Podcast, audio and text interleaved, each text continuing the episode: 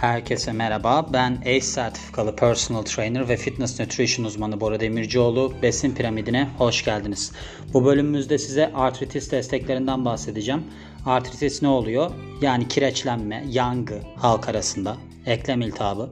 Bu konu nereden çıktı? Şöyle, aslında burada spesifik bir konudan gideceğim. Glukosamin kondroitinden. Bugün annemlerle arkadaşıyla oturuyorduk. Dediler ki glukosamin dediler kilo yapıyormuş. Annem şu anda da yanımda oturuyor. Hiç sesi çıkmıyor gördüğünüz gibi çünkü kendisi söyledi. Ben dedim ki neden? Dedi bana doktor söyledi. Ben dedim ki anne ben doktorların söylediklerine artık pek inanmıyorum. Güvenimi kaybettim. O yüzden dedim ben bakayım. Hemen baktım. Baktığım sırada da böyle bir İngilizce makaleden Türkçe'ye çevirdim. Annem bir gururlandı. Dedi ki sen de onu İngilizceden mi çevirdin filan. Ben dedim ki evet İngilizceden çevirdim. Neyse ağlaştık filan. Hani ben gurur duyuyorum seninle filan dedi. Tamam anne dedim. Ben bunu dedim geniş çaplı da araştırırım. Şimdi de o an o kendisi yanımda çapraz bulmaca çözüyor. Ben de bunu kaydediyorum. Şimdi osteoartritis var. Osteoartrit Türkçesi. O da ne oluyor? Kemik ve buna yakın eklem iltihabı. Bu Şikayet başta olmak üzere artritis hastası pek çok kişi beslenme destekleri yardımıyla ağrılarını hafifletmeye çalışıyorlar. Bu bir gerçek. Özellikle de öne çıkan ürünler glukosamin kondroitin bir de bunun yanında MSM vardır. MSM de aslında ona bir destek ağrı kesici gibi faaliyet gösteriyor kendi alanında. Bunlar hep beraber satılırlar. Mesela glukosamin kondroitin MSM diye bulursunuz. MSM'i daha önceden ben bir bölümde koyduğum için burada glukosamin kondroitine odaklanıyoruz. Glukozamin kondroitin hatta glukozamin ve kondroitin sülfat normal kıkırdak bileşeni. Vücutta kıkırdak yapıları oluşturuyorlar ve görünen o ki daha fazla kıkırdak yapımında da teşvik edici rolleri var. Ama bu bir iddia. Diyorlar ki böyledir. Glukozamin ve kondroitin üzerine çeşitli çalışmalar mevcut ki bunların bazılarına göre osteoartrit yani nedir bu? Kemik ve buna yakın eklem iltihabı faydalı etkileri var bunların. Yani bunu alırsanız diyorlar bu ağrılarınız azalır. Son zamanlarda yapılan bir araştırmaya göre ise glukozamin kıkırdak hasarını yavaşlatmadığı gibi diz ağrısını hafifletmemiş. Şimdi 2019 yılında yapılan bir araştırma var. Harvard Üniversitesi'nin ben kaynağına baktım. Bununla ilgili bunu da WebMD'den çevirdim bu arada. Harvard Üniversitesi'nde çok ilginç bir araştırma yapılıyor. 126 katılımcının olduğu bir deneyde bir kısmına glukosamin kondroitin veriyorlar, bir kısmına placebo veriyorlar katılımcıların.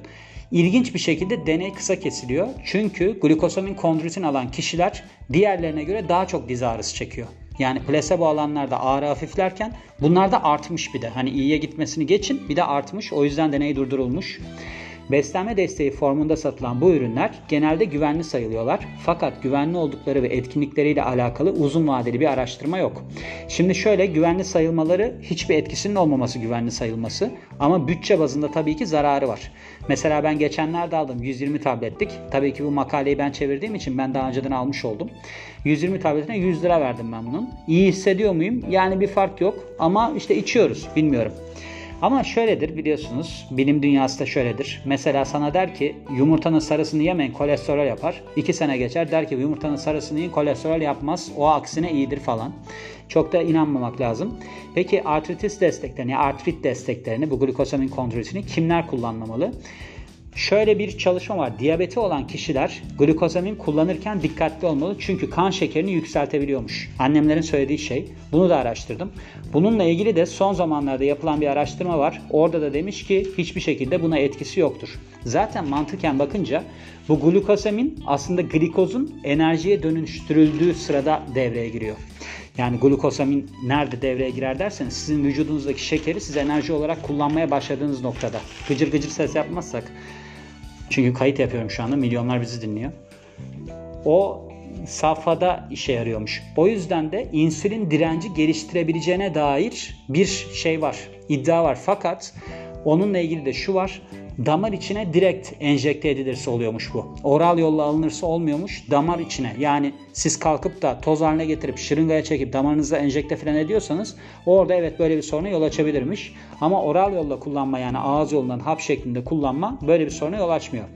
Aynı şekilde bu kondroitin olanının, bu glukosaminin yan etkisi, kondroitinin de kan inceltici etkisi varmış. Bunda da eğer ki kan inceltici ilaç ilaç kullanıyorsanız bir de üzerine glukosamin kondroitin kullanıyorsanız bir yeriniz kesilirse kanamanız durmayabilir. Böyle bir etkisi var.